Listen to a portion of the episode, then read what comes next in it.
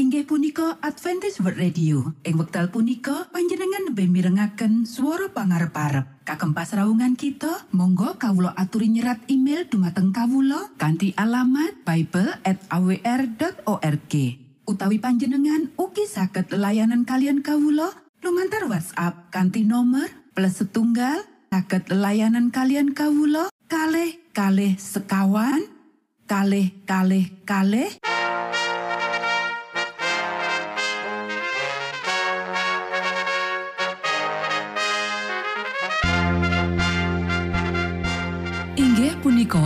punika Adventis World Radio ingkang giaran kanthi basa Jawi. Tentrem Rahayu kula aturaken kagem para mitra kinasih ing pundi papan lan panggonan. Sugeng pepanggihan malih kalian Adventis World Radio. Kanti bingahing manah Kulo badi sesarengan kalian poro mitra kinasih lumantar saperangan adicara ingkang sampun rinonci mligi kagem panjenengan sami. Mugi giaran punika saged migunani tuwin dados berkah kagem kita sedaya. Sugeng midhangetaken Gusti amberkahi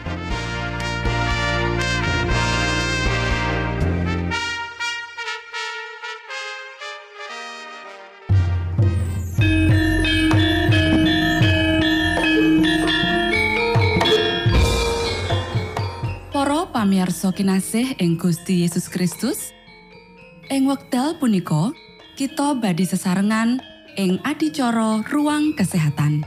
Ingkang saestu migunani kagem panjenengan saha kita sami. Tips utawi pitedah ingkang dipun aturaken ing program punika tetales dawuhipun Gusti ingkang dipunyatakaken ing kitab suci. Semanten ugi sakehing seratan ingkang dipun wangsitaken dening Gusti Allah. Nanging saderengipun, monggo kita sami midhangetaken kidung pujian.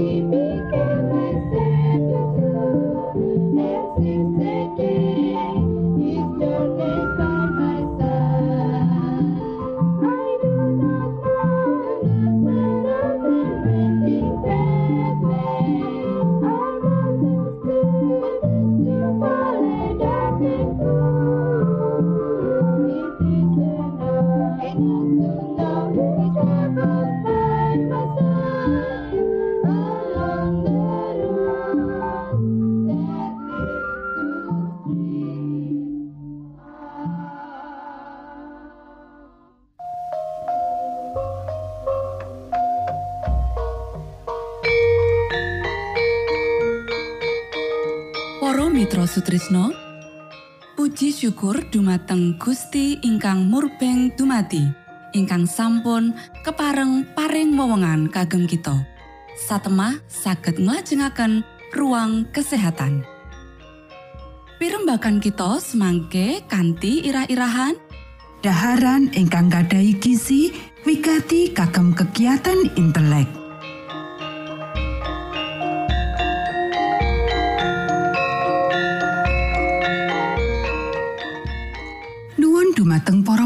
Pamirsa kakung saha putri ingkang dahat kinurmatan. Sugeng pepanggihan malih kalian kula Isti Kurnaidi ing adicara ruang kesehatan. Dinten punika kanthi irah-irahan daharan ingkang gadhahi gizi wigati kagem kegiatan intelek. Para sedherek ingkang kinasih wonten ing Gusti Yesus, monggo kita maos dawuh pangandikanipun Gusti wonten ing kitab Daniel pasal setunggal ayat wolu. Ono dene Daniel utus ora bakal najisake awak kalawan daharani Sang Prabu sarta anggur kang adate diunjuk dening Sang Prabu. Mulane nyuwun marang kepalaning punggawa kraton mau supaya ora usah najisake awake. Para sedherek ingkang kinasih, intelekipun manungsa kedah manggihaken pewiaran, kegiatan, kelantipan lan aktif.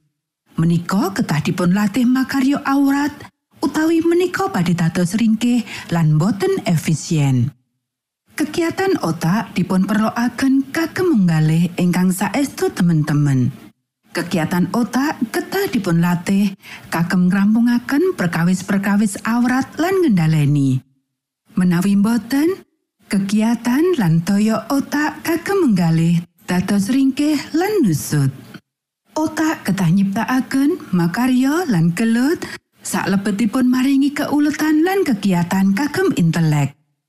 Lan menawi perangan badan boten dipunjagi saklebetipun kawontenan paling kepak kasarasan lumantar daharan ingkang ngandhut gizi, otak boten nampi bagianipun gizi kagem makarya.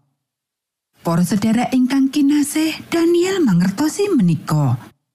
Piyambakipun bekta dirinipun piyambak dumateng setunggalipun daharan ingkang cedha, prasaja, ngandhut gizi, lan nampik mumbra-mumbrunipun saking mejanipun Sang Prabu. Daharan panutup ingkang mendhet wekdal kadah kagem nyawisaken kathahipun ngrisak kasarasan. Daharan-daharan atos betahaken dipun mamah badhe sakalangkung sae tinimbang bubur utawi daharan awujud cairan sanesipun. kula menggalihaken bab menika setunggalipun ingkang wigati sanget. Para sedherek ingkang kinasih, intelek punika dipun jakit terus wungu kanthi makarya kepaing mana, tekun lan enggal. Kados pundi menika saged tumados? Kegiatanipun Sang Roh Suci ketah murnekaken penggalih lan ngresikaken jiwa saking moral ingkang najis. Pakulintenan najis boten namung ngandhapaken martabat jiwa, ananging ugi ngandhapaken ajinipun intelek. Engetan sengsara dipun paringaken sainggilipun mitzvah dasar tindakan-tindakan ingkang nyakitaken. Nalika guru-guru lan para murid badhe misungssungaken jiwa, badan lan roh dumateng Gusti lan murnekaken penggalihipun kanthi miturut dumateng angger-anggeripun Gusti, piyambakipun badhe terus kemawon nampi setunggalipun berkah ingkang enggal saking kegiatan badan lan mental. Lajeng badhe wonten manah ingkang sengsem ngupati Gusti lan pandonga ingkang tekun kagem pangertosan ingkang resik lan kagem mangertosi. Para sedherek ingkang kinasih, tekun sinau inggih menika wigati sanget lan tekun makaryo. Setunggalipun penggalih ingkang seimbang biasanipun boten dipun panggihaken nalika ngginakaken kegiatan-kegiatan badan kagem panglipuran. Makaryo badan ingkang dipun gabungaken kalian latihan mental kagem perkawis-perkawis migunani inggih menika setunggalipun latihan saklebetipun praktik pagesangan. Asring dipun manisaken dening gambaran ingkang memantes lan melatih penggalih ugi badan langkung sae kagem nindakaken pakaryan ingkang Gusti sampun rancang supados kita tindakaken wonten ing maneka warni pakaryan. Kanti mekaten, penggalih dipun didik kagem ngraosaken kawontenan badan salebetipun praktek pagesangan dados kawiyaraken. Lan lumantar budaya ugi latihan, disiplin sae lan dipun piranteni kadah kagem ingkang migunani lan angsal setunggalipun pangertosan ingkang wigati supados ndadosaken setunggalipun pitulungan lan berkah kagem dirinipun pribadi lan tiang sanes. Matur nuwun, Gusti amberkahi.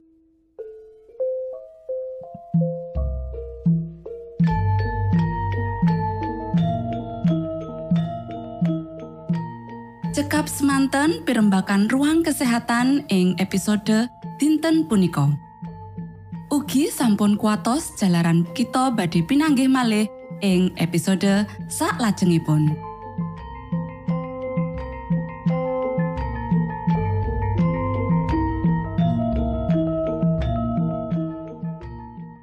Inggih punika adicara ruang kesehatan.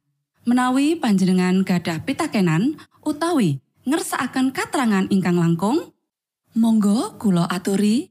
Kinton email dateng alamat ejcawr gmail.com utawi lumantar WhatsApp kanti nomor 025 pitu 00 songo songo papat 00 pitu.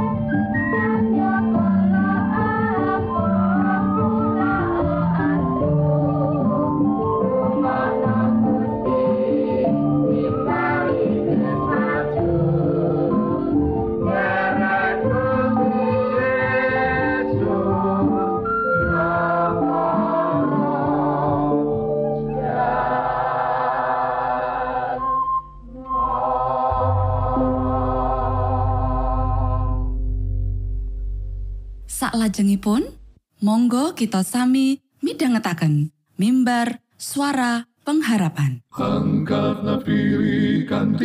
pawarto Sang Kristus paderamu Pro umat samyo puji asmanyo Sang Kristus paderamu Inggih punika mimbar suara pengharapan. Ing episode punika kanthi irah-irahan Selaras kalian Sabto. sugeng minangka tondo Sang Kristus paderamu Ilmu kawero tambah tambah Sang Kristus paderamu Paderamu Paderamu Sang Kristus paderamu Shalom. Para pamirsa ingkang kinasih wonten ing Gusti, sakmenika kita badhe mitangetaken renungan Sabto pangantikanipun Gusti.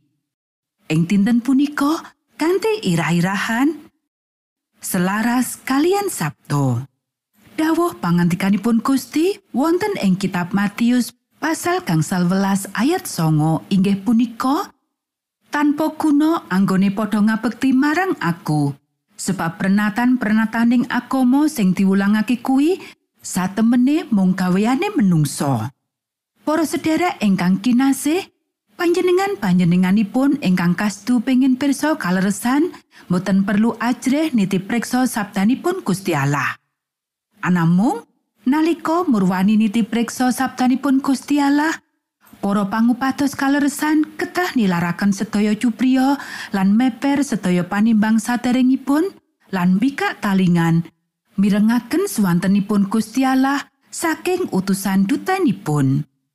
Pemanggih-pemanggih ingkang dipun remeni, adat padatan lan pakulintenan ingkang panjenengan tindakaken kaasta kagem kadadar kalian Sabto suci.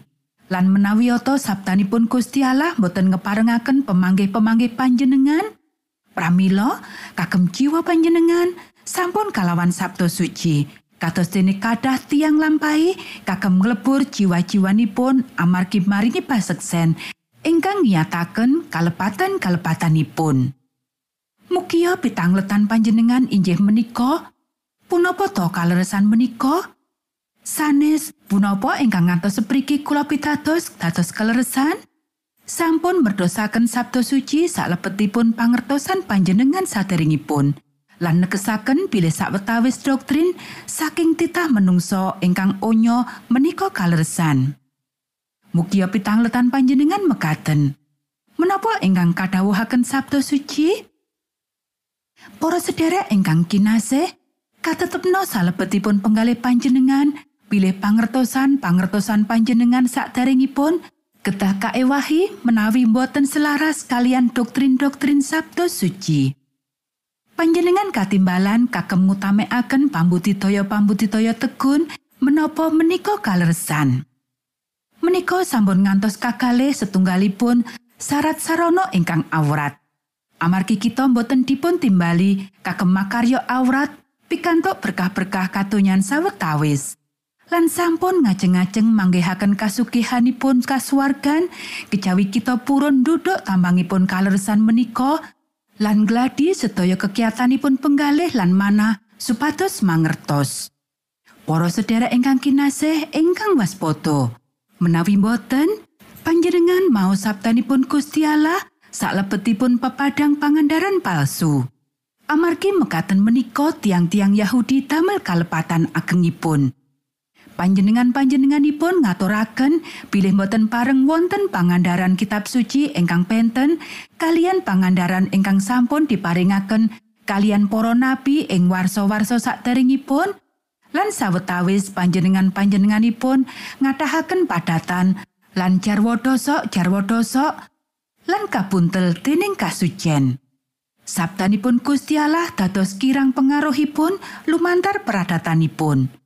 Lan menawi Gusti Yesus Kristus, sabtanipun Gusti Allah menika sampun rawuh wonten jagat.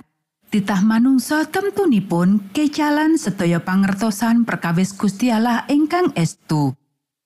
Para sedherek ingkang kinasih, menika rancangan jlimetipun iblis kagem mlawuraken sabda suci lan nuntun kita mangun wewangunan sabdanipun Gusti ingkang klentu. Sedaya seratan perkawis kapitadosan, sedaya doktrin, lan wiyosipun kapitadosan kados pundi kemawon sak tanggunipun ngantos sak menika kakalih suci ketah dipun tolak menawi nyingkur kalian pangandikan prasaja sabdanipun Gusti Allah. Monggo kita sami ndedonga. Duh Rama kawula ingkang wonten ing swarga, asma patuko mugi kasucikaken. Kraton patuko mugi rawuh. Karso patuko mugi kalampahan wonten ing bumi kados dene wonten ing swarga. Kawula mugi kaparingan rejeki kawula sak cekapipun ing dinten punika. Saha patuko mugi ngapunten kalepatan kawula kados dene kawula inggih ngapunteni tetiang ingkang kalepatan dhateng kawula. Punapa dene kawula mugi sampun ngantos katantukaken dhateng ing panggoda nanging mugi sami patuko uwalaken saking piawon. Awit dene patuko ingkang kagungan kraton saha wisesa tuwin kamulyan salami napinipun. Amin.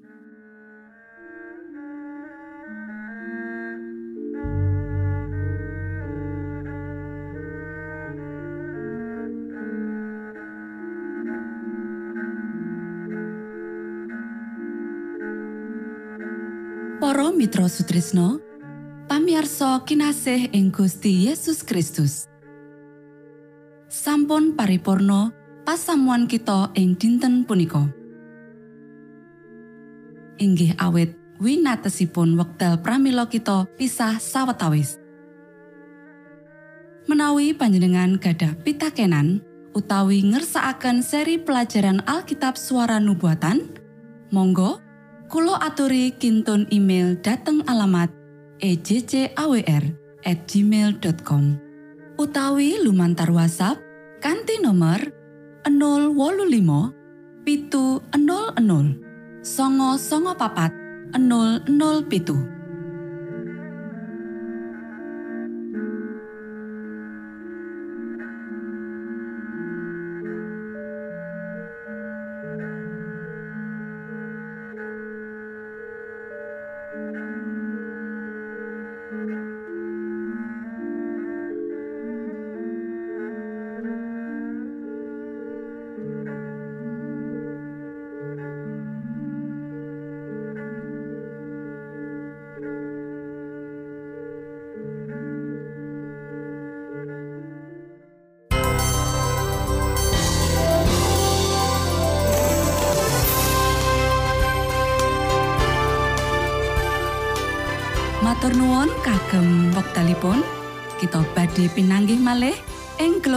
ugi wekdal ingkang sami. Saking studio kula ngaturaken tentrem rahayu. Gusti amberkahi kita sedaya. Maranatha.